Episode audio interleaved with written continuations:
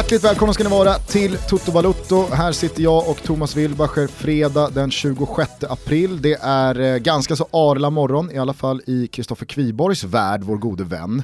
Således så har jag inte kunnat eh, prata med honom om detta. Men jag hajade verkligen till igår kväll när jag såg på hans Twitter att han skrev att han har klarat förbundets löptest för domare på Spånga IP i motvind. Och så skrev han något kul om att han då kan urskilja minst fyra nyanser av blodsmak i käften. Men du och jag gjorde ju de här löptesterna med eh, Steffe Pepsi på Ja, Grimsta i höstas. Och om jag inte minns fel, Ja. rätta mig om jag har fel, visst var det 40 meter på under 6 sekunder? Ja. Eh, sex eh, gånger i rad. Ja exakt, och du får Och inte s- misslyckas Nej, exakt. mer än en gång. Och sen så var det de långa, straffområde, straffområde. Ja. Uppskattningsvis då, ish 70 meter eh, på, eh, visst var det 11 sekunder? Ja men det var något så, alltså det var, 40 det gånger. snabbt. Ja, 40 gånger. Utan, alltså det var 10 sekunders vila bara. Ja, men ja, det, så här är det. Vi det här gjorde- kan inte Kviborg ha klarat. Nej, nej, nej, nej. Vi gjorde ju alltså löptestet Du för följer ju ihop som Anja Persson firade sina världscupsegrar Säl. så, i Sälen. Eh, tredje, tredje intervallen. Då låg jag i fosterställning. Jag fick, jag fick någon sån krampkänning i vaden just, jag tror det handlar väldigt mycket om det. Eh, nej men det här, det, alltså Kviborg, han har ju gjort löptesterna för att få döma på sjumanna. Det är det han har gjort liksom. Så den här blodsmaken han känner, det är ju efter att ha sprungit kanske då på det dubbla. Nej, han har inte gjort det allsvenska domartestet, det har han inte gjort. Men eh, tror du verkligen att det finns olika graderingar av fystester? Det, måste, alltså det finns inte att Kviborg klarar de här fystesterna, det finns helt enkelt inte Gustav. Nej, jag, jag, jag, jag, Du känns helt matt här. Ja men he, hela min värld skakades om. Okej om, eh, ja, vad ska vi ta för exempel, vad har vi för vältränade figurer i den här branschen? Okej om disco hade liksom alltså, såhär, ah, disco men- hade ju slaktat. Ja, och disco twittrar ut, äh, på kul så gjorde jag Ja. förbundets eh, löptest för domare, klarade det utan snack. Ja. Hade Borrell twittrat ut det, då, hade, då, då hade man ju varit mer skeptisk. Ja. Åslund hade säkert klarat det, Ja. medan man inte hade accepterat ifall Noah Bachner hade twittrat ut att han hade klarat det. Han är ju lätt i kroppen, Noah han borde ju klara det va? Känns uselt tränad. Ja. Det känns som en människa som har blivit eh, välsignad med en metabolism från liksom, eh, himlen. Att du kan äta precis vad du vill, du kan dricka hur mycket som helst, du behöver inte träna och ändå så ser du helt okej ut. Ja. Vi får väl kolla med Kviborg, men eventuellt då, då så kommer vi se Kviborg eh, på de allsvenska arenorna snart. Ja, För han har i alla spännande. fall klarat sig. Fan vad sjukt det hade varit. Tänkte att vi skulle prata lite eh, allsvenska domare eh, lite senare, men Nej. det har ju varit, det har ju varit eh, en hel del fotboll senaste dagarna. Ja, jag Inte tror inte folk har svensk. missat att, eh, precis, det har varit midweek och det har spelats intressanta matcher med intressanta utgångar. Kan vi inte bara få höra allt om det här? Innan den knappt börjat har redan en sjättedel av årets allsvenska spelats. Djurgården är enda obesegrade lag och toppar tabellen i ensamt majestät på 11 pinnar. Den senaste satt dock hårt inne. En storspelande Isak Pettersson i Pekingkassen motade allt som kom i hans väg ända in på tilläggstid innan Erik Berg kunde göra mål för andra matchen i rad och hålla liv i förlustnollan. Norrköping med fortsatt bara en seger och på söndag väntar Malmö, ett himmelsblått SM-guldtörstande lag som fått upp farten efter en trög inledning och nu står på tre raka segrar. Bayern pulveriserades fullständigt i den andra halvleken när skåningarna gick från underläge 0-1 till defilering 4-1. Hur var det nu med att Hammarby skulle åka ner till stadion och sända ett budskap? Hallenius gjorde ett Goldelex borta mot Helsingborg, Kalmar var på vippen att ta alla tre poäng mot ett svajigt Blåvitt, men ett georgiskt-armeniskt samarbete genom Karasjvili Kalisir löste kvitteringen på Guldfågeln. Elfsborg gjorde lingonsylt av Örestjärt och Thelins gäng har snart fler poäng i år än vad man hade i fjol. Nu ska man bara börja vinna på gräs också. Rickard Norling kom ur Andreas Alms strypgrepp, vann det svartgula mötet med 1-0 på Friends och frågade på presskonferensen efteråt om den uppgivne Häckentränaren redan hade gett upp. Alm hade lätt att hålla sig för skratt och det kan man ju förstå. För efter avancemang till cupfinalen och en flygande start av allsvenskan har hissingen laget två raka torsk och inga gjorda mål framåt. Som någon initierad sa, är det pressen, förväntningarna och favoritskapet de inte kan hantera? Oavsett vad, med spelet som visats upp i tre av de fyra senaste halvlekarna blir det inga guldstrider. Det kan jag slå fast här och nu. En trappa ner i superettan har det hunnit spelas fyra omgångar. Full pott har boysen från Varberg tätt skuggade av Brage och Örgryte på 10 pinnar vardera. I botten har Trellehulla redan parkerat och man är tillsammans med Öster det enda laget som fortfarande jagar första segern. BP, som också, precis som Trellehulla, är nya från allsvenskan, sladdar. De har fått en riktigt jobbig start medan Dalkurd tog första trean senast. Det skriker inte direkt återtåg om någon av dessa tre klubbar, men jag har å andra sidan varit med tillräckligt länge för att veta att superettor, de sätter sig först under sommaren. Ute i Europa svarade Manchester City på Liverpools seger mot Cardiff genom att slå United med samma siffror. David de Gea är tydligen sämre än om han har hängt upp Christer Ulfbåges gamla sportspegelslips i ribban. Backlinjen spelar numera vertikalt och det tjafsas längre inte om huruvida Solskär är rätt man eller inte. Nu är alla överens om att Woodward är cancersvulsten som måste bort. I Italien väntar cupfinal mellan Atalanta och Lazio efter veckans semifinaler. I Tyskland gäller samma sak för Bayern och för första gången för Foppens Leipzig. Och i Spanien fortsätter kampen om fjärdeplatsen att glöda. Sevilla skickade Rayo till Segundan. Valencia slogs med näbbar och klor förgäves borta mot Atleti och Getafe lyckades ta en pinne av Real Madrid. Eller om det var Real Madrid som lyckades ta en pinne av Getafe, man vet inte längre hur man ska uttrycka sig. Med fyra omgångar kvar har vi i alla fall Getafe och Sevilla på fjärde respektive femte plats på samma antal poäng. Samma antal poäng står också Ajax och PSV på efter 32 av 34 spelade holländska ligaomgångar, 80 stycken vardera. Ajax leder på bättre målskillnad och med tanke på att man är i semifinal av Champions League mot Spurs och ska möta Alexander Isaks Willem Zweig i cupfinal om 10 dagar så kan, jag säger kan, den här säsongen sluta med något alldeles, alldeles makalöst för det rödvita laget från Amsterdam. Vore väl någonting ifall eh, Ajax och eh, Ten Hag löser en eh, riktig jäkla håll käften-trippel. Ja, det hade varit häftigt. PSV har ju eh, tagit en hel del ligatitlar eh, senaste åren. Eh, men jag menar, kan Ajax lösa en ligatitel, en Champions League-titel? För det får man ju, alltså så här, visst, Ajax... De är absolut med. De har absolut hugg på den. Mm. Eh, och dessutom då en, en kupptitel. Alltså en trippel är en trippel. I alla fall om den innehåller Champions ja. League-bucklan. Ja, absolut, så jävla häftigt. Men, men i och med att det är Ajax, i och med att de inte lever i den verklighet som PSG, Manchester City och de absolut största klubbarna är i, så, så måste de ju sälja. Alltså det blir ju inte kvar. När Fr Frenkie de Jong blev klar för Barcelona, han går ju nu i sommar, eh, då, då pratar vi alltså om 16 miljoner euro per år netto i lön. Alltså Ajax kommer aldrig kunna mäta sig med det. Det, det är sån enorm löneskillnad, vilket gör att agenter och spelare för all del också kommer pressa på. Plus att klubbarna då får ju en jävla massa pengar. Så att nu, nu, nu pratas det ju om i stort sett alla de här succéspelarna att de ska lämna. Uh, jag såg att Liverpool var ute efter Siege, Mm. Heter han så? Ja. Eh, och eh, ja, men Delicht får man ju bara anta kommer gå till en, till en eh, stor klubb. Och vad händer med Ten Hag? Det undrar jag. Han blir säkert kvar något år, men eh, han har ju också, alltså han är ju han är ju nya Klopp på något sätt. Sådär. Eller han, han kanske är den nya Pep Guardiola, vad vet jag. Alltså, han, spe, han spelar ju, de spelar väldigt vacker fotboll. Mm. Ja, det blir spännande med Ziyech där. Eh, Monchi var ju på vippen att eh, lösa honom till Roma, men nu har ju det tåget gått. Alltså vem han fick man istället? Han hamnar ju inte i Roma. Nej men det var, alltså, Nej, det var ju såhär, jag, Kluivert. Ja, jo, men, men å andra sidan, jag tror inte, problemet är inte eh, att han inte kom dit för Roma, utan jag tror att Kluivert absolut har den förutsättningen att göra, eller de förutsättningarna, den talangen för att bli en stor spelare i, i Roma. Problemet har varit att han är, kanske inte har fått chanser och han har spelat i ett, i ett lag som kanske har varit destruktivt för hans utveckling, så som Roma haft säsongen. Ja, eh, på tal bara om eh, delikter, eh, mittbacken, eh, tonåringen, lagkaptenen, han ryktas ju till varenda storklubb. Men i dagarna så såg jag att United nu har valt att fokusera sitt då. Alltså alla är ju överens om att United behöver en ny mittbackschef. Ja. Mycket, ja, mycket, Jones nej, men mycket kan man säga om eh, Victor Nilsson Lindelöf, han har gjort en bra säsong, men det är ju inte en mittbackschef, nej. Lex eh, Skriniar eller eh, Delikt eller eh, Piqué, ja, Ramos General. Liksom. Utan eh, Lindelöf, det är, det är en bra tvåa bredvid liksom chefen. Och då har man ju tänkt, alltså jag, jag, du har skrivit om det, jag har skrivit om det, vi har pratat om det, att alltså så här, det finns ju ett par mittbackar där ute som fortfarande spelar i klubbar som är, alltså de är inte högst upp i näringskedjan. Nej. De kommer behöva sälja ifall rätt bud kommer. Kanske framförallt då Kalidou Koulibaly ja. i Napoli. Alltså han hostar bara United upp det han kostar så går han ju till United. Ja. Och så finns det eh, Skriniar som Ja. vi pratade om. Eh, Ja, han ska och- ingenstans.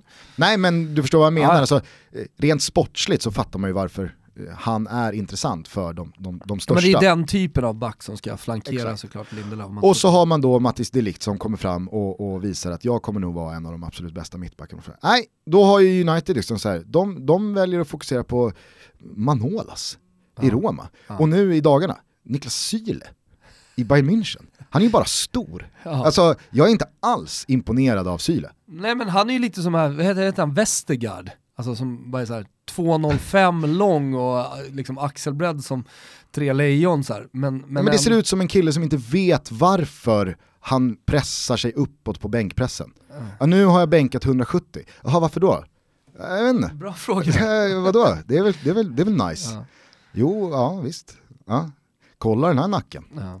Alltså, jag fattar inte varför inte de här klubbarna som har pengarna, som har behovet, nämns i samband med de här mittbacksnamnen som är i loopen att flytta. Konstigt, tillbaks till eh, svepet tycker jag. Eh, det var ju som sagt eh, cupsemifinaler i eh, Italien. Du skulle varit på plats i Bergamo. ja, det blev inte så. Men eh, jag fick ju en... Hade ju fått ett eh, fint jubel där tidigt. Muriel 1-0 i tredje minuten, eller vad var det? Ja, exakt. Det började bra för Fiorentina. Eh, Men istället fick man sitta hemma och småbråka lite med Glenn Strömberg på sms istället. Coppa Italia, Fiorentina in casa e si vince, si va avanti, si va a giocare con Lazio in finale. Sono sicuro! Det, det, det, det var ju Atalantas match redan liksom från det första mötet, 3-3 på Frankrike, men, men det var så tydligt också att det, det var deras tur att gå till final. Så deras senaste år med Gasperini som tränare måste, måste få eh, ett, körsbär på, alltså ett körsbär på den tårtan som Gasperini har bakat i Atalanta måste komma. Och nu blir det den här cupfinalen, jag säger inte att de kommer vinna, men, men bara det att supporterna får en resa till Rom, ett fullsatt Stadio Olimpico. Här pratar vi om, alltså Bergamo är en ganska liten stad trots allt, en 100 000 stad. Med, med, med hela staden som går man ur huse och åker 40 000. Eh, För att eh, Stadio Olimpico kommer ju alltså vara smockfull. Det är jävla ballt alltså. Där väntar Lazio som eh, slog Milan på San Siro. Det var inte så mycket matchen i sig som hamnade i fokus där, utan det var ju väldigt mycket då Lazio-supportrarna, både innan och under, så som jag har förstått det, då eh, sprunget ur det här Bakayoko-bråket. Eh, vem var det i Lazio? Han var det Acerbi? Acerbi precis bråkar, men det, det som hände Ja, sen... men Bakayoko och Acerbi-bråket, det är väl det Ja men det, det är ju det töntigaste bråket man varit med om. Jag vet inte, ha, avhandlade vi det i Toto? Nej jag tror inte det, vi hamnade men alltså snett det- i, det- i, med Lasse Granqvist Ja just det, just det. Nej, men alltså, väldigt kort, det som hände var att eh, Acerbi inledde med att twittra att vi minsann är bättre än, än Milan typ. Ja men kom, vad har ni att komma? Alltså så lite kaxig tweet typ, eller om det var på Instagram. Eh, och, och var på Bakayoko svarade. Och sen så var det inte så jävla mycket mer med det, förutom att de blev vänner då på matchen tyckte att Acerbi bytte tröja som en fin gest att så här, hej, vi är polare. Men då springer alltså Kessi och eh, Bakayoko fram till eh, ja, supportrarna med Acerbi-tröjan och håller upp den. Alltså det är ju ett töntigt bråk. Alltså det finns ju ingenting här som på något sätt borde rubba någonting. Nej. Men, eh, men eh, det här har då fått eh, hem, helsidor efter helsidor. Men så här, vad fan, det var en kaxig, var ett kaxigt utspel på sociala medier. Det är ingen som har gjort någonting liksom, dumt egentligen. Eh, Men, men det som du säger, och då sjöng eh, de rasistiska Lazio-supporterna att eh, Ba- Bakayoko skulle få en banan. Mm. Eh, och det här fortsatte då in i cupsemifinalmötet med en hel del uppblåsbara bananer Ja. i borta klacken. Ja. Eh, men framförallt, alltså, ja, det här kan ju du bättre än, eh, än mig och framförallt om man har följt den italienska median. Alltså det var ju, he, helt plötsligt så är det alltså, otvivelaktiga fascisthyllningar och liksom eh, Mussolini Ja. dyker upp här och där. Nej. Vad, vad hände? Nej, det, de har steppat upp sitt eh, rasistgame helt enkelt. Och det är förjävligt, men alla har ju känt till det. Det är liksom ingenting nytt att eh, Lazio-fansen har en klick, eh, eh, en rejäl klick och som dessutom har betydande makt i kurvan eh, som är fascister. Men har jag uppfattat det fel att alltså så här, det, är, liksom, det fick en skjuts av det här Det är absolut, Bakayoko-bråket? Ja. det har absolut fått en skjuts. Och jag menar så här, uppblåsbara bananer, det var länge sedan vi såg på läktare. Eh, och det var länge sedan jag liksom såg en kurva vara så här tydlig. Hellas Verona har ju tidigare och ja, hela tiden eh, alltid liksom med någon slags rasistisk underton i en klick av kurva. Eh, men, eh, men så här tydligt och på det här sättet, det, det var jävligt länge sedan. Så nu måste, ju, nu måste man ju verkligen så här, återigen då kalla till krafttag. Och, och men men eh, ja, jag, hoppas, jag hoppas verkligen, alltså i, i sådana här fall, alltid, så hoppas jag att det kommer också från spelarna. Alltså alla runt om. Och sen så tror jag att vi måste komma till ett läge där domarna, nu ska de ju göra det, men alltså där domarna verkligen avbryter matchen. I Italien, då, då, då sätter man upp en massa regler. Och man ger direktiv till eh, tränarna eller till domarna och säger att de får bryta matcherna om det är så att det ja, förekommer apljud eller rasistiska ramser. I det här fallet var det ju bananer.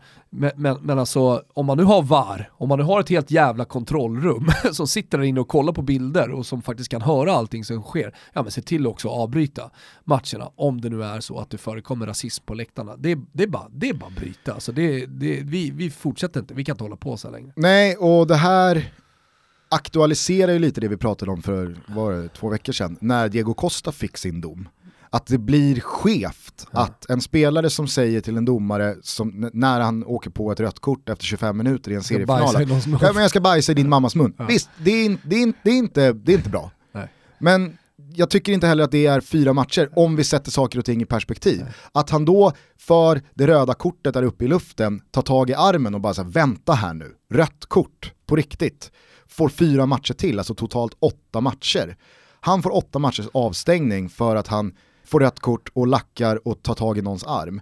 Samtidigt som det här pågår också inför öppen ridå, ja, så blir exakt. allting så jävla skevt. Ja, ja nej, men verkligen, det är som man ibland hamnar i trådar på sociala medier om skeva straffskalor där, liksom, där ena brottet eh, ger långt fängelse och det andra knappt eh, någonting. Så här. Alltså, jag, jag håller absolut med. Här, här är ett sånt liksom, ypperligt fall där fotbollen måste göra om sitt regelverk. Mm. Det, för, alltså, Ja, ja det, det, är ju så med allt egentligen. Eh, jag vet vi pratade om bengaler på läktarna till exempel tidigare och att polisen uppe i Sundsvall hade fått något jävla hjärnsläpp och helt plötsligt började fokusera på, på att stänga av eh, supporter då som, eller eh, stänga av supporter men, men förbjuda overheadflaggor.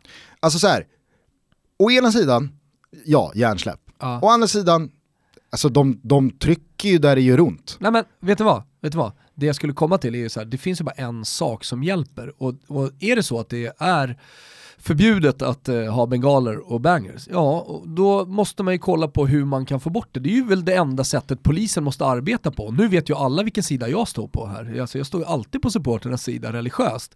Men alltså, om jag sätter på mig min lilla poliskonstapelhatt här så hade jag gjort samma sak. Ja men alltså så här, det, det har ju, så ska vi få bort det, bengalerna? Det, har, ja men vad fan. Då det har ju sagts för lite. Att polisen, de har ju, de har ju, de har ju, de har ju hittat en punkt som ömmar. Ja, de har ju fattat att tar vi bort flaggorna Ja, då, då försämrar vi folks möjligheter att maskera sig och då, försäm alltså, då försämrar vi förutsättningarna för bengalbränningar. Så, alltså, det är ju smart, den jävla poliskonstapeln ska ju få... på ett sätt, på ett annat sätt, klockren analys. Så länsman uppe i, upp i Sundsvall ska ju få, få sig en rejäl jävla befordring alltså. Det är ju stjärna på, på, lilla, på lilla polisvästen alltså. ja, nej men jag, jag har också liksom, Fan schnitzel till jag, länsman. Jag har hållit mig lite passiv i att så här, våga sticka ut haken och säga så här Jävla smart. Smart att förbjuda OH-flaggorna. För att det, alltså, det är där de gömmer sig. Ja, men har man gått på mer än två allsvenska matcher så vet man att dyker upp en 5 gånger 5 meter stor flagga på, på en läktare. Okej, okay, om sex minuter så kommer det brinna bengaler. Sen är det ju förmodligen så att man kommer komma på andra sätt. Såklart. Så att, eh, det, det, det, är väl vad det är. Man kanske gör det på muggen eller jag har ingen aning. Eh, hur som helst så, så, så kan man ju faktiskt som det är så populärt att säga nu för tiden, ha två tankar i huvudet samtidigt. Fan säg inte det något mer då! Alltså det, det tyckte jag lyftes bort, att polisen förbjuder ju inte flaggorna för att flaggorna är eh, någonting över gränsen. Utan de förbjuder ju flaggorna för att komma åt bengalerna. Ja, och sen så kan man ju tycka vad man vill om ja, bengaler, ja. du och jag kan vara superpro, men det är fortfarande förbjudet. Ja, och, och, jag menar så här, polisen och, och, måste ju arbeta emot ja, jag det. Pratade med, jag pratade med några kompisar för några dagar sedan som som inte fattade att polisen eh, gick efter flaggorna. Och då försökte förklara så här, men, men du måste ju förstå polisen, alltså bengaler är ju förbjudet. Efter tio års hopplösa försök att eh, få bort någonting som de facto är olagligt och förbjudet så kommer ju inte polisen ett måndagsmöte bara vi lägger ner hörni. Nu får, nu får de, det är bara att köra på nu. Vi, vi, kan inte, vi kan inte fortsätta, utan är det olagligt så är det olagligt. Då får man liksom så här, men efter ett tag så får man väl rannsaka sig. Vad kan vi göra för att eh, förändra och nå ja, och nya inte, resultat? Ja, och inte, lägga, och inte lägga så mycket resurser, för om man nu, om man nu ska då prata om resursfördelning så, så är det så att skapar vi ett förbud Jo men då, då slipper man ju göra speciellt mycket, även om man kanske sk äh, supporten skiter i förbudet, men, men ändå. Ja men precis, för det är det jag menar. Det, det, det, det är resurskrävande att skapa ett förbud. Vad polisen än har gjort hittills så har det ju funkat sådär. Det får man ju säga med ja. tanke på bränningarna. Och då är det liksom så här, vad finns det nu att göra? Har, är det någon som har något nytt förslag? Ja, vi kanske ska förbjuda de här flaggorna. Men du såg ju vad som hände nu. Länsman la sig ju platt Såklart han la sig. För att det blir en jävligt häftig våg av ja enat supporterskap. Fast är det såklart? Ja, det är såklart. Nej, men det, det, betyder ju det betyder att supporterkraften har ju återigen då vunnit. Ja. Bort med länsman från våra läktare. Jo men och här sprang ju polisen in i en tackling som de inte riktigt fattade. Att ja. om vi förbjuder någonting som inte är kosher att förbjuda, så vi kan inte förbjuda fem så, gånger fem Fotbollssupportrar är för dumma så de kommer inte förstå det här. Nej, men så här, de, de tänkte ju inte att vad är det egentligen vi förbjuder? Nej. Fem gånger fem meter tyg. Ja. Det kan vi inte förbjuda. Nej. Det kan vi inte förbjuda. Exakt. Och då har ju folk på fötter att slå tillbaka. Exakt. Du kan förbjuda pyroteknik och bli påhejad av andra men ingen kan ju på riktigt ställa sig i polisens hörna och tycka att ja det är klart att vi ska förbjuda 5 gånger 5 meter tyg. Fan konstapeln som trodde att skulle få en befordran, nu när de får lägga ner allting och så har supporterkraften då vunnit, det är ett jävla slag i ansiktet för såklart på, på Sundsvallspolisen här. Han har ju då istället fått gå ner och börja trafikpatrullera igen. Vad heter han, eh, högsta hönset? Gårdare va? Fredrik Gårdare. Ja, exakt. Inte han. Det är också roligt att han heter Fredrik ja, Gårdare. Men eh, hur många gånger... Han brukade ju åka på många smällar på Sverigescenen. Hur många gånger har eh, inte han lagt pannan i handen och skakat på huvudet och suckat nu, senaste ja, tre åren? Senaste, ja, men nu, nu är det djupa suckar. Nej jag orkar inte. Nej. Jag orkar inte längre. Vad fan är det, vad, vad, är det för gubbe där uppe i Sundsvall som håller på nu då? Allting vi har byggt upp här nu, vad är det som händer? Ja. Sen såg jag att i, i Solna, eller efter eh, spelarbussmottagningen i Solna så eh, var det någon, någon annan då, Solna länsman som hade polisanmält eh, det här spelarbussmottagandet och menade på att det var för många personer på allmän plats. Och då är det ju återigen då öppet mål för kontringar. Ja. Jaha, ska vi börja polisanmäla, eh, eh, polisanmäla SJ eh, för för många personer på en och samma plats när det är förseningar och så vidare. Och så vidare, och så vidare. Så att, eh, ja. Nu har då situationen uppe i Sundsvall som vi ändå får anta är död nu va, eftersom de har lagt ner sin utredning eller liksom, ja, kring om man kan skapa det här förbudet. Eh, nu har det ersatts av spelarbussmottagningen. Så. Men det blir väl någon slags tvårätters då till polisen i Sundsvall? Både lite så här, Lite gulasch och lite schnitzel. Lite gulasch och lite schnitzel. Trevligt ju. Eh, eller så blir det liksom en, en, en dubbelpanerad schnitzel. Dels schnitzel för det innovativa tänkandet, att vänta här nu, om vi förbjuder OH-flaggorna så blir... kommer vi åt bengalerna. Ja. Bra, bra, bra tänkt! så, kudos till ja. den tanken. Exakt. Eh, men också schnitzel att de fattar att det här slaget förlorade vi. Ja. Eh, vi lägger ner och så kommer vi, till, kommer vi tillbaka om ett år ja. igen med en, med en ny briljant idé. Eh, men en eh, gulasch då, då till eh, Lazio-supportrar. Alltså inåt helvete, det, fan. Eh, och jag vet, alltså jag brukar alltid Helt få lite så här, eh, det, det finns en jävla massa fascister och rasister i, i Romas Jo men det måste ja, bort nu, ja, ja, det är det. Precis, och bara, det, det handlar inte om att så här, kasta pil i någon kuvös, utan det, det, det handlar om att... Vad skulle vi kasta pil? I kuvösen. Ja, härligt. Eh, det är väl en gammal Kent-låt va? Ja. Är det mannen i den vita hatten?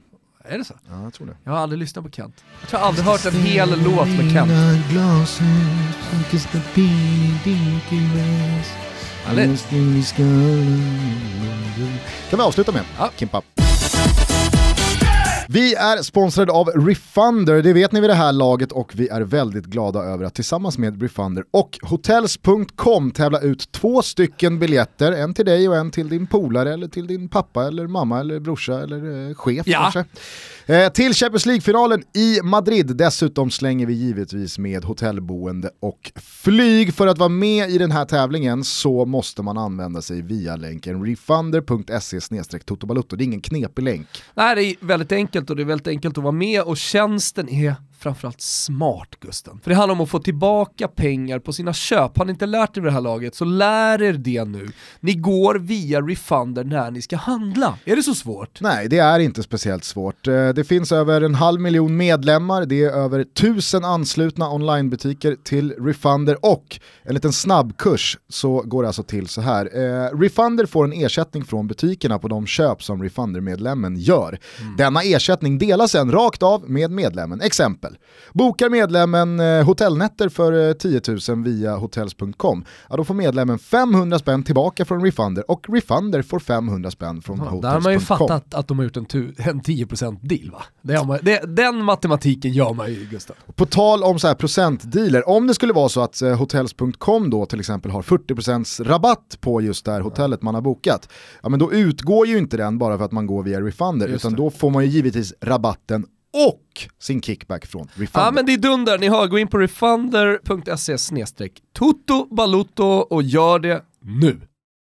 Snart skriver vi maj i kalendern och sopade vi, gator. Eh, skriver sopade gator och vi tar dessutom fram den stora svarta pennan och understryker vårt tack till Seat Stockholm för att de är med och sponsrar Toto Balutto. Ja, de har varit med här under vintern och det är ju nu bilarna äntligen får komma ut på gatorna liksom. Och det är nu det är så härligt att åka till Seat Stockholm som finns på tre ställen i Stockholm och boka en provkörning eller gå in på seatstockholm.se, boka provkörningen där och sen så tar ni er till något av ställena.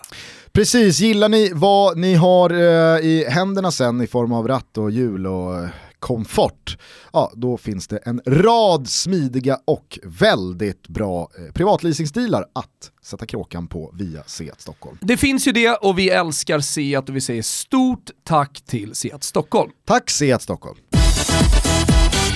Med det sagt då så kanske vi ska vända tillbaka till allsvenskan och eh, sporten. Du var på Friends. Jajamän. Såg AIK-Häcken.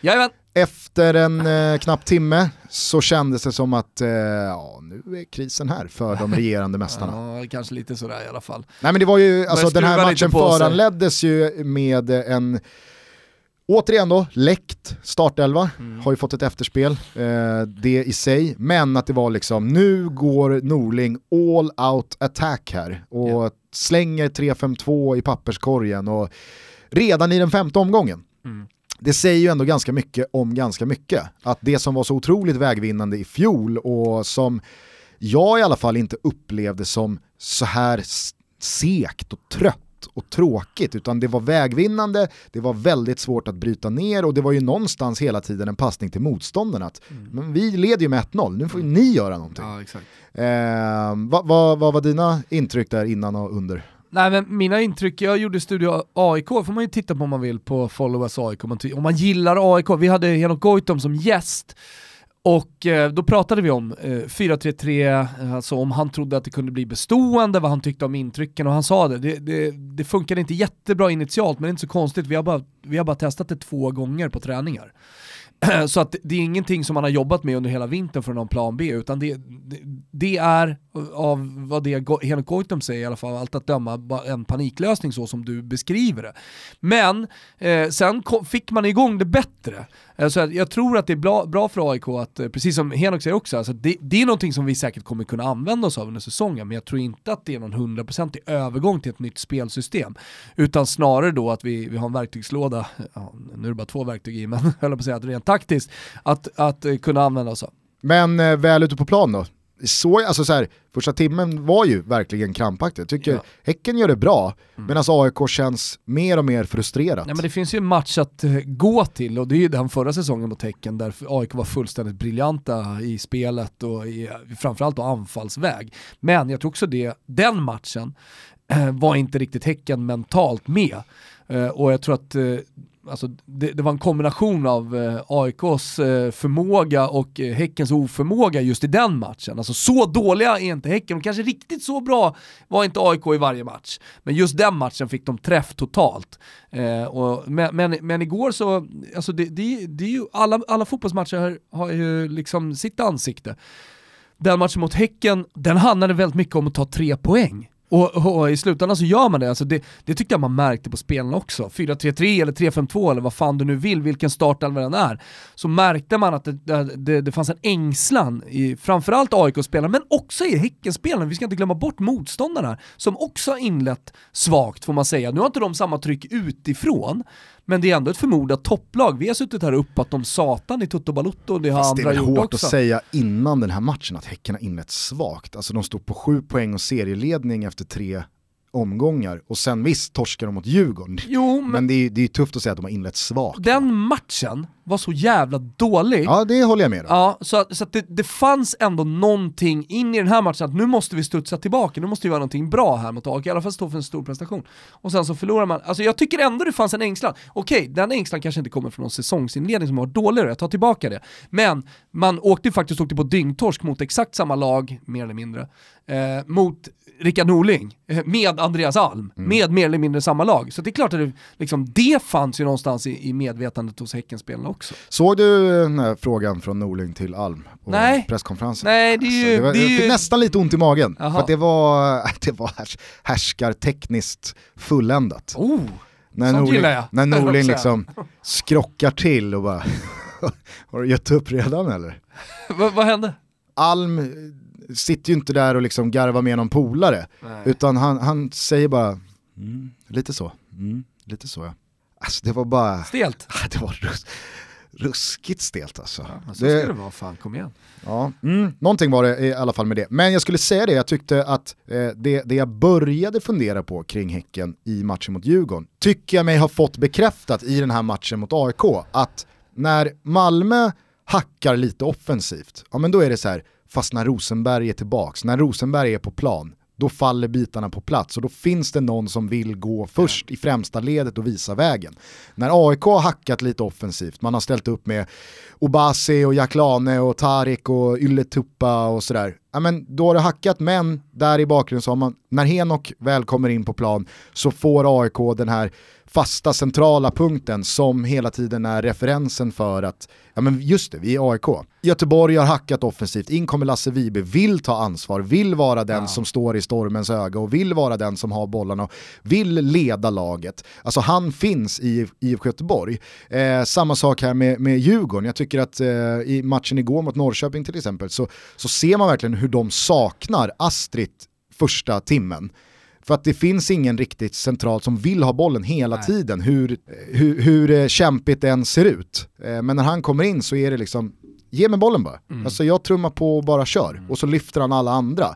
Häcken har ju väldigt många bra offensiva spelare, men de har inte den här självklara ledaren i offensiven som känns, inte bara ett snäpp bättre än alla andra utan som också känns som en trygghetspunkt för alla andra när det går lite emot, ja, helt plötsligt så försvinner Paulinho totalt ja, men i matchen. ner sig lite, jag håller med. Eh, eh, nu har eh, Daleo Irandust blivit utbytt i båda de här matcherna, ganska tidigt så också. Mm. Eh, Jeremejeff... Eh, får jag bara säga en sak om ja. Irandust där, alltså, han har ju haft eh, enorma förväntningar på sig i den här eh, inledningen och det ska han ju ha med tanke på vilket fin säsong han gjorde. Men det är också hans tuffaste år någonsin. Mm. Det, det, är år två för honom som seniorspelare med alla de förväntningar som eh, hela egentligen alla fotbollssupportrar i Sverige har på honom. Jag, jag, kan tänka mig att han är liksom frekvent vald av eh, fantasy allsvenskan spelande personer. Ja. Nej men och så har du Jeremejeff som är, han är, han är bra på mycket, men det är ju inte den här personlighetstypen som jag har nämnt här med Rosenberg eller Henok eller Lasse Vibe eller vem det nu kan vara. Och så på det så finns eh, Yassin som känns som kanske allsvenskans mest lättpsykade spelare. Alltså två, två små... Har vi sett på nära håll. Ja, men två små tjuvnyp emot, ja. så går ju han och fokuserar på helt fel saker och ja. går och tjafsar med Daniel Sundgren och Linkvist och ja. alltså, är, är bara sur och, och te, alltså, visar ju inte upp något pannben alltså, av stål Sundgren här. visste liksom. precis vad han gjorde. Ja, och så liksom sitter Mervan Selik där och hänvisar till massa mål han har gjort i kuppen och tycker att han ska spela, men när han väl kommer in så visar han ju inte att han är liksom en man för Förstår vad jag menar? Ja, att häcken, häcken har mycket men de saknar galjonsfiguren. Ja och de saknar, tycker jag, i de här, de, de, båda de här två matcherna mot Stockholmslagen så saknar man Erik Friberg och jag vet att han är vår polare och inrikeskorrespondent och så vidare men lägg det åt sidan två sekunder för att han, han behövs verkligen i det här laget. Han mm. är en mm. pådrivare. Och, ja, absolut, sen så kan man ju, alltså, mycket går att säga om Fribben också men han är ju kanske inte den offensiv. För nu, nu pratar jag om den... Eh, ja, alltså jag är med på att det inte är den rollen du pratar om, men jag menar på att han också behövs. Ja, ja, ja självklart. Extremt mycket. Självklart. Eh, jag tycker också att eh, det blir ganska tydligt eh, i Hammarby, de här matcherna som de har haft problem nu inledningsvis, att de också saknar den här spelaren. Nu kanske det inte liksom lirar helt med analysen i då rollen offensivt, men man har blivit av med sin kanske inte alltid i startelvan och på planen, men sin lagkapten för alla supporterna, spelarna, klubbledningen. Kennedy han har lagt av. Junior som har varit den här uppsamlande kraften, eh, han är borta och längst där bak så har Johan Wieland varit ja, men den mest rutinerade allsvenska målvakten eh, so som finns att tillgå. Kurci är också mycket, men han är kanske inte den här sista trygga utposten rent eh, erfarenhetsmässigt ur ett svenskt fotbollsperspektiv. Vad nu det är. Ja men precis. Alltså, Nej, men jag tror att det snarare då kanske handlar om eh, någon slags ledaregenskaper bakifrån eller någonting mm. sånt. Jag, jag, vet inte, men, men det handlar ju också om att komma in och alltså, förtjäna det förtroendet från sina lagkamrater också. Ja. Och, vilket Vilan hade gjort, och det får väl ta några matcher innan, innan Kurci kanske är där då. Men om, Men, man ska ta ett, om man ska ta ett annat så här, klockrent exempel, titta på Linus Hallenius och vad han innebär för hela Sundsvalls offensiv. Hela stan? Ja, ja men det är det jag menar och jag tror att saknas Linus Hallenius, ja, väldigt svårt att se liksom, eh, Mike, lite... Se Mike Sema då steppa upp och vara så här, vet du, nu är Linus borta men det är lugnt, I got this. Eh, utan det, det, är ju väldigt mycket liksom Sundsvall med Linus Hallenius och då blir alla andra offensiva spelare tryggare, de blir mer självsäkra, det finns en självklarhet i deras offensiv. Man vet att vi kan göra mål på alla lag. Mm. Kolla alltså, Sundsvalls eh, inledning här. Man hämtar 2-0 borta mot Djurgården. Mm. Eh, man eh, åker ner och tar ledningen och, och är minuter ifrån att ta alla tre borta mot Helsingborg som har inlett med att spöa Bayern och Norrköping på Olympia. Och det är Linus Alenius i alla de här matcherna.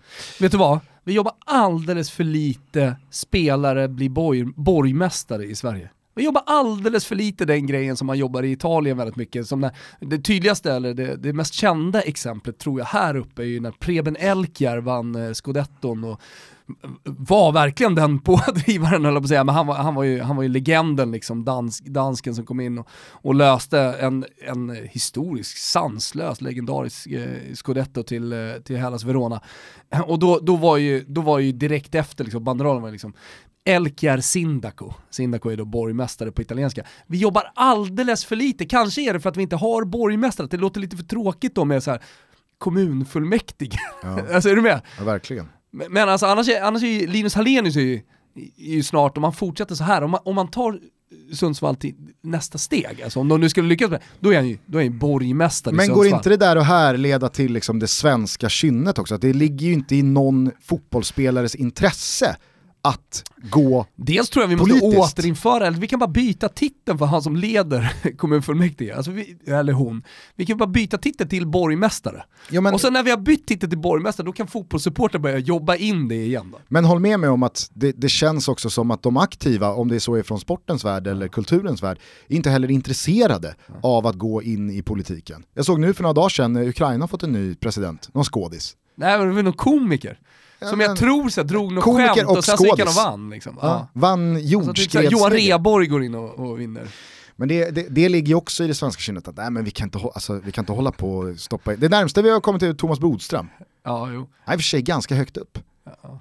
Han var men, väl men, både justitieminister i, i uh, flera regeringar ja, och nu är han väl i uh, FN? Han radiopratare EU. på Mix Megapol. Ja, ja, men god morgon Sverige, god morgon praktikant Malin. God morgon Gry. God morgon Hansa. Hans Wiklund, strippa, det låter inte dumt. Hej hej Bodis. Hej. Hej. Välkommen hit denna morgon. Tack. Gry, gry, Han gillar ju att synas alltså med den där solbrännan som, som är bestående, ständig den där solbrännan. Men det här kan vi då skicka till alla fotbollssupportrar lite. Det är tips till er då, banderoller. Hallenius Sindako, alltså borgmästare. Där, där har ni något. Fan! Bra tips ju! Jag sa ju bara att vi skulle prata lite allsvenska domare, det var bara en väldigt kort reflektion. Jag tyckte det var kul igår eh, när eh, jag följde Djurgården-Norrköping via tvn och Mohamed Alakim eh, dömde återigen. Han var ju i hetluften på Tele2 för några veckor sedan, Bayern kalmar och sådär. Eh, jag tycker att han har, eh, alltså så här, han är rätt på varenda beslut igår. Det enda beslutet som är lite stolpe ut är väl att Erik Berg inte åker ut och får rött kort. Ja. Eh, således är det enda beslutet han är snett på det, eventuellt någonting som går emot Djurgården. Ändå eh, var ju 100% av Djurgårdarna, ah, det kanske är lite orättvist, 95% av Djurgårdarna tycker att Alakim gör en usel match igår. Och att han eh, har så jävla mycket fel och att det är en sån usel domare och så vidare. Och sen så såg jag några Norrköpings-supportrar och eh, andra lagssupportrar, jag hade sett den här matchen. Eh, Det var en AIK-supporter eh, som sa att vänta här nu, nu har jag tittat på Djurgården eh, mot eh, Norrköping och eh, jag har upplevt det som att Alakim har haft rätt i alla eh, beslut. Alla stora beslut han har tagit här. Eh, Utom Berg. Nej men det, det nämnde han inte, utan det, det, här, det Ah. går väl att argumentera för att det, det rä- räcker med gult kort där. Hur som helst så skrev han då så här att är, är det jag som är för subjektiv när jag står på läktaren och eh, har domaren emot mitt AIK? Eller eh, borde man kanske börja förstå att domarna har jävligt ofta rätt? jag, tyck, Ja, tyckte fan, det var bra- bra ja, självinsikt absolut, och, absolut. och, och liksom så här, Sen är det ju sådär, alltså när man sitter på en eh, allsvensk läktare och hör lite hur surret går runt om, ja. så, så, så är det ju tur att eh, alla, alla så, så att säga råsunda fetton inte är nere på planen och dömer och inte bara för att de inte klarar fystesterna, men för att de dömer jävligt dåligt till och med från läktaren va? Jo men och det blir ju också en snöbollseffekt live som inte går att uppbringa när man tittar på någonting via tvn. Där blir det ju helt plötsligt, alltså Det tas ju inte ett rätt beslut Nej, från läktaren. e- efter 4-5 vad man upplever beslut emot en själv, då är ju helt plötsligt ett inkast åt fel håll världens viktigaste domslut. Och sen kommer det direkt efter hörna, bollen ut i mittfältet står det. Och den mittfältaren, av någon outgrundlig jävla anledning, kan ju aldrig skjuta den som fångar upp den här bollen. Ja. Skjut! Ja. Nej men just igår, alltså, så här, Skjut! Igår rycks ju Mohamed Buya Turay med i den här liksom vågen av frustration från läktarhåll. Skjut aldrig! Så att han börjar ju då gestikulera vilt och hoppa och det är ett kroppsspråk som är så här, du håller på att döma bort mig från Champions League-bucklan här, men det handlar om ett inkast och, åt rätt eller fel håll. Ja. Dessutom så har linjemannen helt rätt.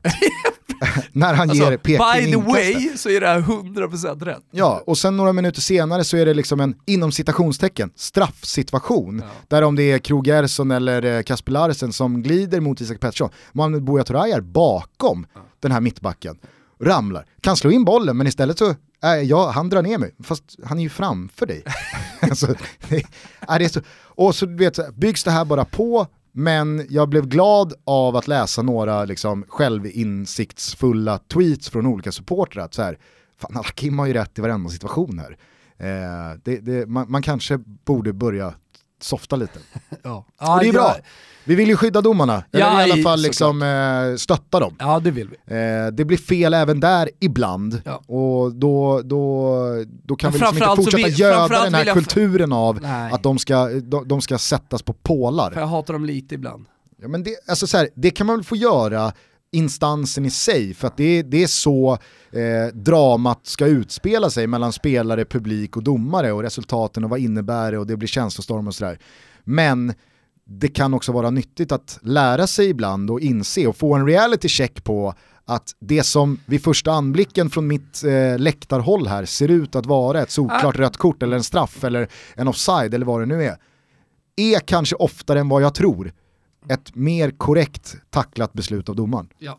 Tycker du, eh, på tal om handsregeln då, det blev ju en straffsituation i matchen mellan AIK och Häcken där. Det är också ett sånt perfekt exempel att du, du kan ju liksom inte ta det domslutet från läktaren heller. Nej, Alltså det är extremt svårt. och där, där, där blev ju också ett eh, perfekt exempel på vad man tycker ska vara hans och vad man inte har insett inte längre är hans, Ja. eller det är inte någon diskussion. För att om man vet hur de nya hans-reglerna och restriktionerna och linjerna som domarna har dragit upp och pitchat för alla klubbar inför säsongen så, så vet man att det där är 100% inte straff. Ja. Ändå skriker ju 10 000 aik liksom, Mm. de skriker ut både det ena och det andra. Straff! Ja, det är ju, mild, det är ju mildaste eh, eh, laget vad, vad de får ur sig. Nej, men, och det, det där är ju också så här att man kanske inte alltid hänger med på regelförändringar. Nej, Eh, sen, så, uppenbarligen. sen så kan jag ju tycka att Det finns ju fortfarande gubbar som sitter på, på västra och östra som, som tror att man, får, eh, man inte får stå i linje. Utan att linjeoffsiden fortfarande är, är kvar. Ja, eller att det var en hand offside. Ja, precis. Då är det offside. ja, ja. Men Eh. linjeoffsiden, den är otrolig. Men jag kan ju tycka att Satt ju- jättebra av domarna att instruera, lyssna nu Steffe Pepsi, Ja. som är domar eh, top dog. Att det är jättebra att de instruerar klubbarna och eh, Simon har ju fått den här genomgången också tv-mässigt för att de eh, håller i, i rättigheten. Men kanske borde man siktat mer på att instruera även allmänheten. Jag vet inte. Den är ju svår, men de gjorde ju sitt va? I alla fall för att belysa och upplysa alla hur jävla vältränade alla är. Som dömer, eller hur? Ja, samtidigt som man då har börjat få en lite annan bild av det där fystestet efter att Kviborg alltså klarade det. Det kan inte Kanske stämma. är det bara, eller var det, för jag, jag, jag menar, nu har ju du varit sjuk, men du börjar ju komma i riktigt eh, fin sommarform här. Ja, ja, det kan man inte riktigt säga om mig. Ändå så tycker jag att du påtalar varje dag att oj vad jag tränar då. Oj Ja. oj oj. Ja, men jag gör det, men det händer ju ingenting. Det är ju för att jag äter så här då dricker öl och sånt där, då, då går man inte ner i vikt. Nej. Hörru, ska vi lämna den eh, svenska fotbollen eller vill du säga någonting om eh, superettans inledning? Nej, Nej. absolut, jag vill säga absolut ingenting. Fast är det ändå inte lite fascinerande? Om du försöker eh, bara så här, eh, minnas eh, Serie Bs senaste 20 år. Mm. Visst är känslan att det betydligt mer sällan klappar igenom lag som ramlar ur Serie A än vad det gör i, i allsvenskan kontra superettan. Alltså nu eh, inleder ju då de tre lagen som kommer från allsvenskan, Mm. BP, Trelleborg och Dalkurd. Alla tre skitdåligt. Trelleborg jagar fortfarande första segern, BP har bara en, Mm. eh, Dalkurd tog sin första här nu senast. Alltså, som jag skrev, det är tidigt, det har bara gått fyra omgångar. Men det, det är ju så oerhört sällan ett lag som kommer från allsvenskan bara liksom drämmer eh, ner foten i marken och visar vart skåpet ska stå och bara studsar tillbaks. Ja. Nej men det, det har du rätt i, alltså kollar man på Frosinone, Empoli, eh, Benevento uppe nu visserligen, men Palermo är ett bra exempel nu också som är på väg tillbaka. Eh, det, det är ju de förväntade, Hellas Verona har varit där i toppen även om man har en kassäsong utifrån vad man trodde liksom innan man trodde att de, ba- de bara faktiskt skulle studsa upp. Men så har det nog varit, du har rätt. Ja, Men sen, är, sen är det ju tufft, det är så jävla lång serie. Och, så, och, så, och jag menar, det är ganska hög kvalitet på mittengängen också, så att det är inte bara vinna. Men det är som du säger, i slutändan brukar det bli de lagen, det är inte mycket nya lag som, som eh,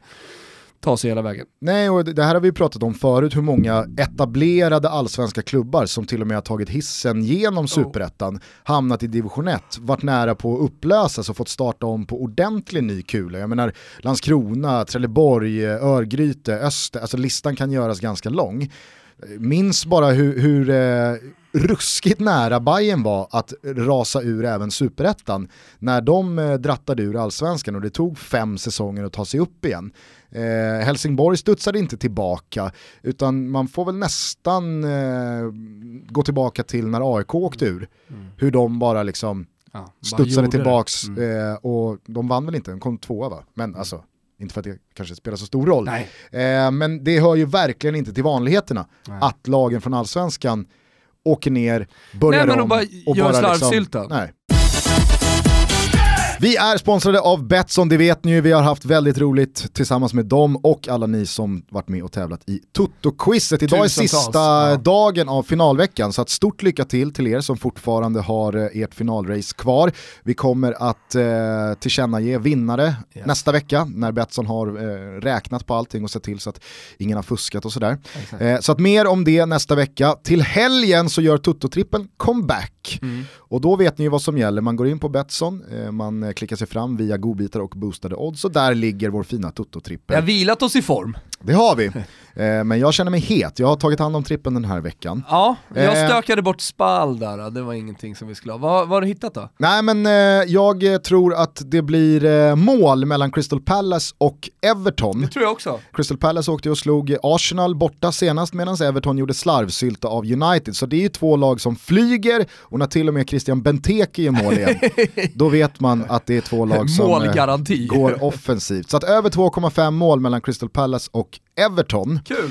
Eh, sen så är det Ruhrderby, Borussia Dortmund mot Schalke och eh, Dortmund har ju ingenting kvar att spela för den här säsongen förutom den där ligatiteln och då måste de bara trycka gasen i botten och hoppas på att Bayern München halkar. Jag trodde du skulle säga att du har ingenting kvar att spela på, bara en liten ligatitel. Nej men det finns ju ingen Champions League Nej. eller någon cupfinal men de eller har en pinne upp till Bayern. Precis, eh, och då halkar man ju inte mot ett Schalke helt ur gängorna. Jag tror att Borussia Dortmund vinner med två mål. Ja. Och avslutningsvis så tror jag att Manchester City petar in över 2,5 bollar, bara Ah. de mot Burnley. På tal om att bara ha en sak att spela för så att säga. Var, nu, nu har ju de cupfinal och så vidare också som kommer, men, men eh, det är ju ligatiteln som gäller va? Ja, och jag vågar faktiskt ta gift på att Liverpool gör sitt ikväll fredag hemma mot Huddersfield. Således så kommer ju Manchester City behöva vinna den här matchen. Och jag Så såg Burnley senast mot Chelsea, det är ett mirakel hur Chelsea inte slår Burnley. Ja. Eh, för de var klappkassa. Så att eh, City öser på med mål framåt.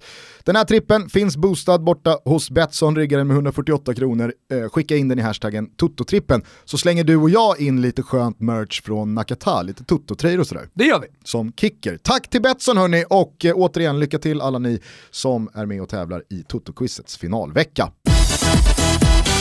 Vi pratade ju en del om eh, La Liga senast så att eh, vi behöver inte orda så mycket mer om det. Vet du vad vi glömde senast? Nej. Det var ju eh, ligatiteln i, i Tyskland, eller striden om ligatiteln i, i Tyskland. Helvete vad jämnt det är där, en poäng bakom Borussia Dortmund. Du tenderar ju att eh, negligera den tyska fotbollen. Oftare det- än eh, vad jag gör. Ja, ja, men så är det. Eh, sen, sen har ju jag en grej mot Tyskland, va? så att, eh, det är inte så konstigt. Nej. Ja, man, har, man, har man en farfar som har blivit eh, skickad till Stalingrad mot sin vilja, då, då, då finns det någonting som sitter i. Vet. Nej men på tal, det, på, på tal om det du sa om eh, Gasperini och Atalanto, att det behövs ett körsbär på tårtan, så behövs det ju också ett körsbär på tårtan för Lucien Favre och detta Borussia Dortmund, som har gjort en hittills äkligt eh, bra säsong och minns hur det var under hösten där det var liksom, det är Europas bästa lag och de spelar den absolut vackraste och mest underhållande fotbollen. Och Och sen föll de man slog lite. Atletico Madrid med 4-0 och det, det kändes som att, ja, men, vart ska det här Dortmund ta vägen? Pang ut ur Champions League mot Tottenham, man har eh, kanske inte hackat eh, jättemycket, men, men tillräckligt mycket för att släppa förbi sig Bayern München i ligan och så blir det ingen cupfinal eller någonting. Alltså så här, vad ska det bli av detta Dortmund också? Det är ju lite som man känner, Nej, de men- behöver ju också ett körsbär. Ja, men, men det som har hänt är ju att de efter formsvackan har ju kommit tillbaka och med besked. Så att, eh, ja, de, de höll ju ändå liv i titelstriden. Det var ett tag det kändes som att Bayern München inte bara skulle åka om utan att, att de ändå skulle dra ifrån. Men eh, nu är det bara en poäng och det blir extremt eh, dramatiskt. Ja, och sen så måste man ju faktiskt lyfta på hatten återigen tycker jag för Leipzig. Mm. Alltså, det, det, Ja, de har etablerat sig där. ja, men det går verkligen att liksom peka på mycket som är ocharmigt och osympatiskt med klubben, hur den är jo men strukturerad. det kan man också Exakt. för två Men- sekunder glömma bort. Om man lägger det åt sidan och bara fokuserar på sportsliga så är det alltså, det är cupfinal nu, man är återigen ganska så klar trea, det ska spelas Champions League-fotboll, Nagelsmann är på väg in i juni och vad är det för nyförvärv man har gjort det med? Det är inga, det är inga etablerade stora namn, alltså Nej. det är sanslöst vad man har fått fart på ett lag som spelare för spelare inte alls går att mäta både meritmässigt eller kostnadsmässigt eller eh, lönemässigt. Alltså det är jävla mycket Mm. rätt de gör där alltså. Ja. Nej men det är imponerande helt klart. Sen tycker jag, jag är så, eh, liksom patriotisk vad det gäller fotbollen. Jävligt kul att vi har en svensk i det laget också. Det fångar i alla fall mitt intresse mer än om det inte hade varit en svensk där. Du och Daniel Olenklint, två av få som vågar stå för ordet patriot. Exakt. Nej, men, och jag tror också att nu när Nagelsmann kommer och de andra, många i alla fall, stora Mm. klubbar i Tyskland sackar lite. Schalke, Leverkusen eh, och så vidare. Hertha Berlin, ja, men du vet så här, Ja, Hertha men- Berlin har det tungt, alltså det, det är ett, n- när, när de lagen inte heller kan visa upp att vi är ständigt med i toppen så tror jag att fler och fler tyska spelare från länder runt om också kommer se på eh, Leipzig som den mest intressanta adressen att komma till Ja, efter Dortmund ja, ja. och Bayern alltså München. Dels sportsligt som du säger och det är jätteviktigt så att det finns chans att vinna titlar för att jag menar de bästa spelarna de hamnar inte i lag som inte har en, har, har en suck på det. Och sen så självklart också lönemässigt, alltså där finns det ändå potential ekonomiskt. Ja, eh, nu det, här, det här är kanske det impopulära avsnittet. Vi creddar polisens och förbud av eh, OH-flaggor och Leipzig gör det bra och sådär. Och så ska vi avsluta på Kent också så folk kommer bli vansinniga. Fy fan alltså, det är... Det är riktigt Och vidrigt så, avsnitt så är vi liksom patrioter. Och så är vi patri- Det här är, här är inte bra. Alltså, tipsa inte en vän. Nej, precis. Eh, hörni, eh, som sagt, vi pratade ju en hel del om den där eh, kampen om den sista Champions League-platsen i La Liga. Ni följer ju den upplösningen via Strive. De sänder ju alla matcher från La Liga, Serie A och MLS. Studio Strive rullar på eh, från eh, fredagar. Eh, men jag tycker det programmet är väldigt så här, smart uppbyggt. För de går igenom liksom, lördagen och söndagen. Så att eh, även imorgon lördag så kan man då klicka sig fram till söndagen eh, och, och få matcherna uppsnackade av eh, Kviborg och gänget i, i Studio Strive. Så att, eh, väldigt bra, teckna ett abonnemang, strivesport.com, det kostar 79 kronor i månaden och då får man en hel del fotboll för pengarna. Va? Så är det. Eh, vad ska vi säga om eh, Manchester-derbyt? Vill du fokusera på att City eh, liksom, gör sitt och hakar på Liverpool eller det som händer med Manchester United? För att det var väl någon slags nådastöt. Ja, men jag skrev det i en krönika, så det är läge för Manchester United att göra en stor prestation i den här matchen. För, för alltså torskar man på det sättet det, eh, som man gjorde mot Everton, då gör det ont. Alltså, det, är inte, det är inte bara så att man blir lite sårad, utan det är ont på riktigt. Alltså, det är en sån match som kommer sitta kvar och som man kommer gå tillbaka till alltså, vad det gäller spelare och eh, framförallt då Ole Gunnar Solskär och minnas att så här, shit, det finns också det där. Alltså de största tränarna, de största lagen, de förlorar inte på det sättet. Det, det, det finns liksom inte. Eh, så när de kom då till, till matchen mot Manchester City, då, då kände jag bara så att nu måste det hända någonting. Alltså helst ska man få med sig ett resultat, inte bara vill man se en uppryckning på planen. Eh, men men eh, nej, det, ja, nej. Det, man, man börjar känna att det här kommer inte funka liksom. Och, och, och problemet är ju inte att det är bara en massa kass, kassa spelare på planen. Alltså problemet är att man viker ner sig. Det är det.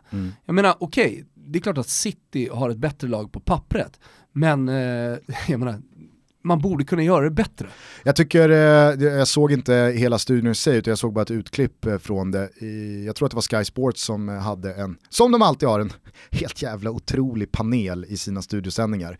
Den här gången var det väl Gary Neville, Roy Keane, Joe Hart och Graham Souness. Alltså, det, är, det, det är namnstarkt, det är merittungt. Känns inte heller som att eh, engelsmännen har lika fasta positioner liksom där, eller fasta flyter runt platser. lite. Det flyter runt lite, Ja. man kan ta in lite titt som, eller lite vad som helst där. Hur som Men det har ju Viasat det- testat också. Ja. Ja, men hur, hur som helst då, inför den här matchen så visar de ett eh, inslag med Paul Pogba, eller en intervju med Paul Pogba som efter den här Everton-matchen pratar om att nu gäller det att visa sin sanna karaktär och jag vill vara en ledare och jag ska med mitt, liksom så här, min kroppsspråk, mitt kroppsspråk kroppsspråk och min attityd visa att det, vi är Manchester United. Liksom. Och så kommer de tillbaka till studion och så får Roy Keane frågan, vad, vad, vad känner du när du ser det här? I wouldn't believe a word he says. Why? There's no no meaning, no meaning behind it. I, I don't even think I don't even think he believed what he was saying there. He's on about being a teammate. Well, if you're going to be a good teammate, then you, you got to run back. You got to run back when you're defending. No, the guy's a talented, talented boy. But we're saying the same things over and over again. But the, the, the number of times I've seen him in games where he's not sprinting back or running back, he's talking about body language, throwing his arms up in the air. No, he's a, he's a, he's a big problem for United. Nej men han säger ett, eh, liksom, jag tror inte ett ord på vad han säger. Jag tror inte han tror på ett ord av det han själv säger. För att han vet att det här är inte, det är inte han, det är inte jag.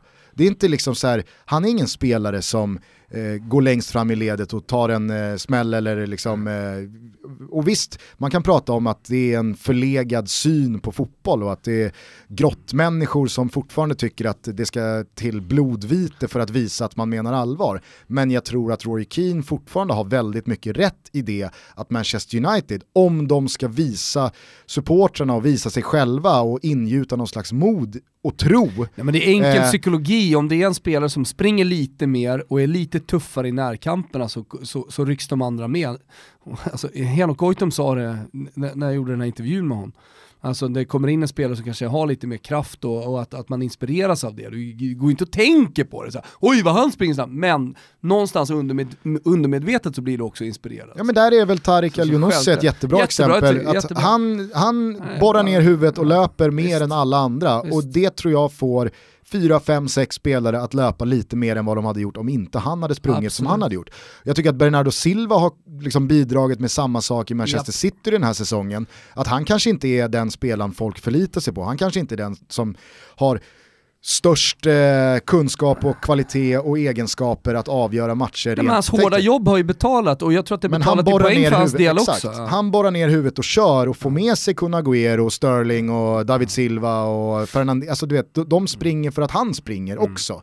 Och där, Vem springer i Manchester United? nej exakt, det är väl McTominay som springer för någon slags framtid. Jo men det är lite alibi-spring Fimpa inte mig. Ole, kolla hur jag springer. Jag kan ändå. Eh, och, och så så här, jag tycker inte heller att man ska total slasha Paul Pogba. Han röstades ju fram eh, och var med i årets lag här, och Ja, spelarna det själva. var- ja, hans siffror är ju, alltså så här, antal mål och assist och vad han bidrar med så. Nej, det går inte att säga så mycket om. Problemet de, de är hans bra. stora svackor, alltså han, han har för låg lägstanivå. Ja, och hans svansföring. Mm. Alltså det var som någon annan sa, att han kan inte börja prata i april Nej. om att han är en stor ledare för att han har vunnit VM-guld. Men varför har du inte visat det oftare då den här säsongen? exakt. och jag tycker att man ibland tenderar att så här, någon gång här och där ska en stor ledare göra en match som signalerar att man är en stor ledare. Ja, alltså så här, de spelarna man har vuxit upp med och hela tiden i eftermälet ser på som vilken jävla kapten det var, eller vilken ledare det var. Det var ju för att de var det varje match. Exakt. Det var ju inte så att eh, eh, Olof Mellberg var en, en ledartyp var sjätte landskamp. Han var ju alltid... Eller granen nu för all del också. Ah, fan, jobbigt nu Granqvist. Ja, jag vet att det är lite kämpigt alltså, men han är fortfarande ledaren. Ja, jo, men du förstår vad jag menar. Alltså, Ja. så här, jag, jag, jag tror att eh, liksom, Paul Pogba måste förstå att Han måste pratar leda man genom sj- mer, ja. Mm. Exakt, pratar man om sig själv som en stor ledare, då kan man inte visa det en gång varannan månad, utan det, det ska visas varje jävla gång. Exakt. Eh, Och då är det du också som får ta de extra löpningarna. Eller hur? Exakt, exakt. Eh, men eh, Woodward då, Ja, högsta hönset. Jag tyckte Noah skrev en bra krönika där liksom själva andemeningen var att eh, ett barn hade kunnat styra den här klubben bättre och att så länge Ed Woodward sitter vid rodret Mm. så talar nog det mesta för att det kommer fortsätta Ja, men- trögt och tungt. Ja, och jag tror det också. Alltså, man måste ju gå till historien och se vad han har gjort. Alltså, det, du kan inte göra på något annat sätt. Eh, Alltså, det, det, du, du hittar liksom inte svaret på ekvationen varför det går dåligt någon annanstans än de som faktiskt är ytterst ansvariga. Alltså, det, det, det är där man måste titta. Så att, eh, det är klart att han har rätt.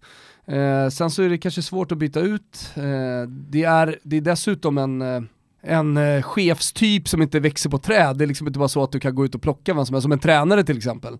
Eh, har du jävla massa pengar så kan du gå och ta den bästa. Men det finns, så att jag menar du kan fortfarande göra det.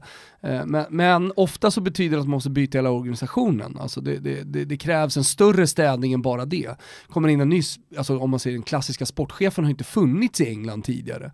Eh, men det börjar ju komma kanske lite mer och mer då. då när det har varit tidigare liksom managern och sådär. Men, men, men eh, där tror jag att Manchester United måste se över precis allting. En intressant detalj jag snappade upp här i svallvågorna av Uniteds ja, i princip bottenlösa resultatrad här är att inte bara Mourinho får lite så här, ja men han får lite upprättelse nu. Det har ju många noterat att Ja. det kanske inte var Mourinhos fel utan eh, han kom faktiskt tvåa med mer eller mindre samma lag i fjol och höll alla lag bakom sig utom Manchester City.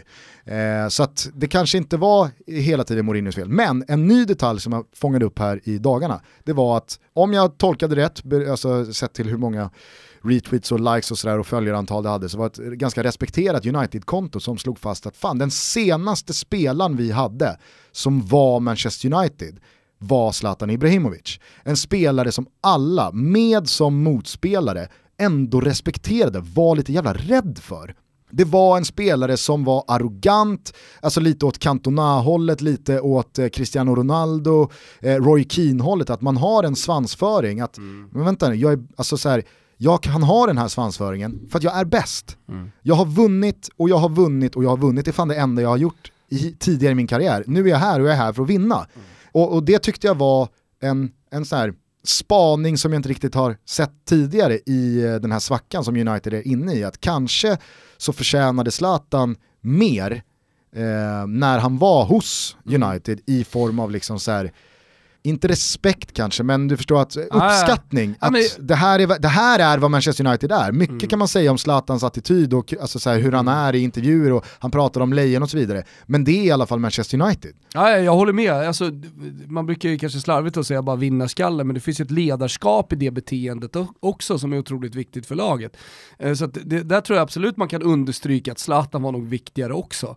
Ehm, Med honom så kom ju United med en tyngd. ja, exakt. Med liksom en så här, En tyngd du, som saknas nu. Alltså man kan jag, jag älskar Rashford i, i, stunder, liksom. Jag, jag, Lukaku, men, men de bär inte Manchester Uniteds offensiv över 38 omgångar. Nej, och när United kommer med en spelare som Zlatan i startelvan så hade man i alla fall känslan, så minns jag det, att så här, de kan vinna alla matcher. Alltså, det- Ja. det, det finns ingen match som Manchester. United inte kan vinna. Och det gör Men man nu, inte med Paul Pogba. Nej men nu Där- finns det ju det. Ja. Så jag, jag, de kunde inte vinna den här matchen. Nej. Fanns inte på kartan. Nej. Du tittar på startelvan så känner man så här. Och det är den Nej, feelingen man ska få. aldrig att de kommer vinna ja, den här Exakt, matchen. med Paul Pogba. Men det får man inte.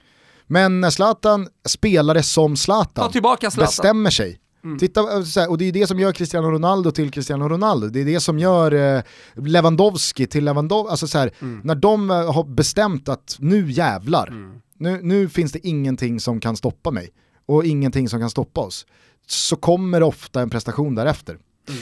Hörni, det här har varit eh, veckans sista Tutto Balutto. Eh, vi hörs igen på måndag. Jajamensan.